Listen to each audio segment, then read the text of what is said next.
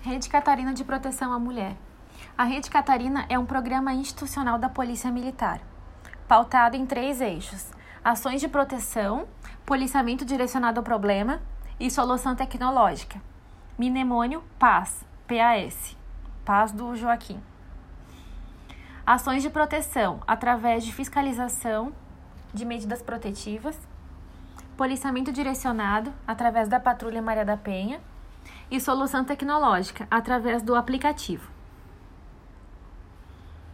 É um programa baseado na ação, é na ação ou omissão baseada no gênero feminino, gênero de feminino, independente da orientação sexual da vítima. Fiscalização de medidas protetivas no âmbito doméstico não precisa ser da mesma família, apenas possuir coabitação. Caso não seja da mesma família, precisa possuir coabitação. No caso de ser da mesma família, não é necessário coabitação. Aí é o âmbito familiar. Não precisa morar junto, mas é da mesma família. Rede Catarina. Ações de proteção, policiamento orientado, solução tecnológica. Fiscalização de medidas protetivas, proteção da mulher, igualdade de gênero, fortalecimento de vínculos, atendimento qualificado, protagonismo do policial e do cidadão. A finalidade do programa: proteger e orientar as vítimas através de visitas preventivas e fiscalização de medidas protetivas de urgência.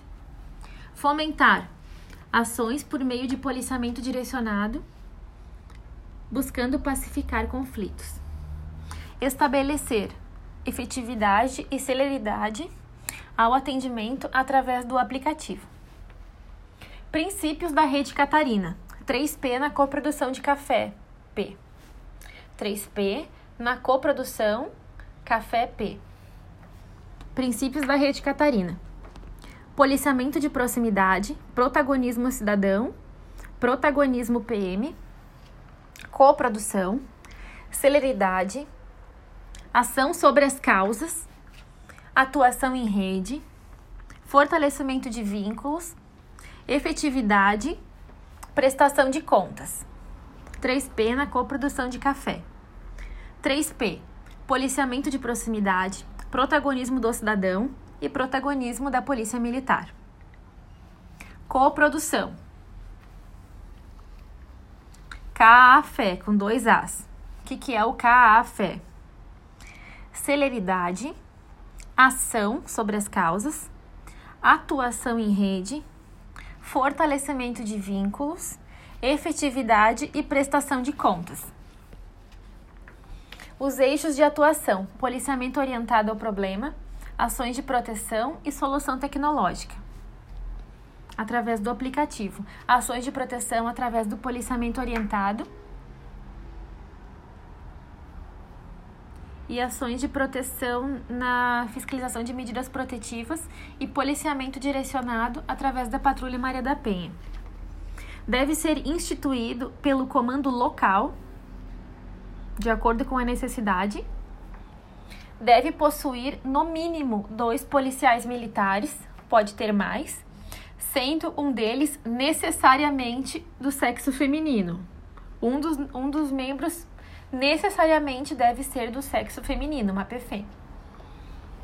A implantação deve ser feita em municípios com mais de 100 mil habitantes ou municípios em que haja alto índice de violência doméstica.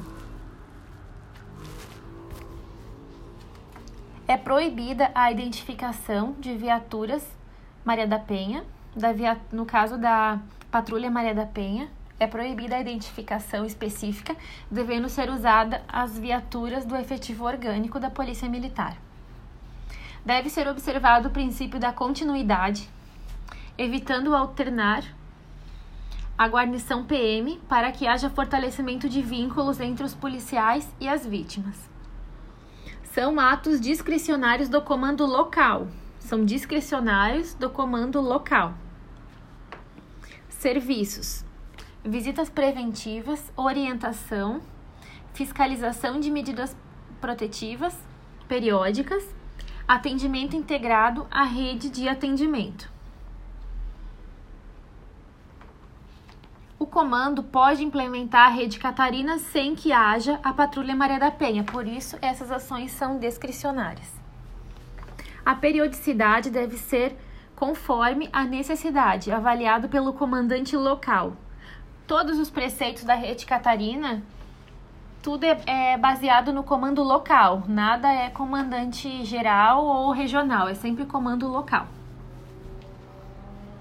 Visitas preventivas devem ser feitas a partir de ocorrências, denúncias ou solicitações de terceiros. Solicitação judicial de medidas protetivas podem ser solicitadas pela guarnição, diretamente ao Poder Judiciário. Exames de corpo e delito podem ser também solicitados pela guarnição. Fiscalização de medidas protetivas. Atendimento da vítima através da Patrulha Maria da Penha. Já a fiscalização ao agressor podem ser feitas pelo efetivo orgânico. As, a, a Patrulha Maria da Penha ocorre em situações sem flagrante. São situações de caráter preventivo e, e de orientação. Visitas preventivas serão feitas somente pela Patrulha Maria da Penha.